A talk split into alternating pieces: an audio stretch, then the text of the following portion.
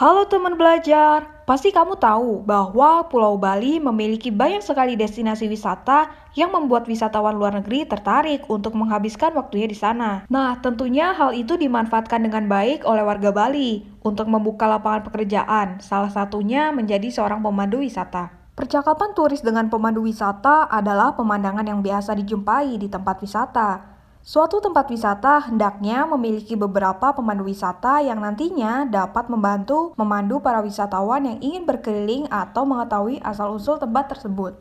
Tentunya sebagai pemandu wisata, kamu harus mengenal tempat tersebut dengan baik dan tentunya kamu harus bisa berbahasa asing. Salah satunya adalah bahasa Inggris. Kali ini kelas kita akan memberikan contoh percakapan yang sering terjadi antara wisatawan asing dengan pemandu wisata. Yuk simak dengan baik ya teman belajar. Hello, good morning, sir. Hello, good morning. My name is Madi. What is your name, sir? Hi, Madi. My name is Richard. Hi, Mr. Richard. Where are you from? I am from London, England. So, how can I help you, Mr. Richard? This is my first time to visit this place, Madi. I want to go around and I think I need a guide. Would you like to be my guide, Madi?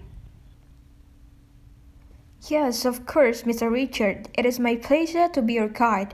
I know this place very well. I have been working as a tour guide in here since 2000. I will accompany you to go around. Oh, thank you very much, Madi. How much should I pay you for assistance? You just have to spend $15, Mr. Richard. Okay, no problem. Please give me your pass, Madi. Okay, Mr. Richard. So, welcome to Besakih Temple. Can you tell me more about this temple, Mari? Besakih Temple is one of the famous tourism objects in Bali, and it is the biggest Hindu temple in Bali. You can see the wide nature panorama from the top of the temple. Wow, it sounds awesome. Please take me there. Sure, Mr. Richard. I see there are a lot of temples in here. Which one is the main temple? The main temple is called Penataran Agung Temple. It is the largest temple in here. So, when do Balinese people come to pray? Because I see no one praying now. Each temple has its own ceremony celebrations. The Balinese people usually come to pray on the full moon or Sasih Kedasa. Oh, I see. What a unique culture, Mari. Okay, let's move to the another place. Okay, Mr. Richard, let's go.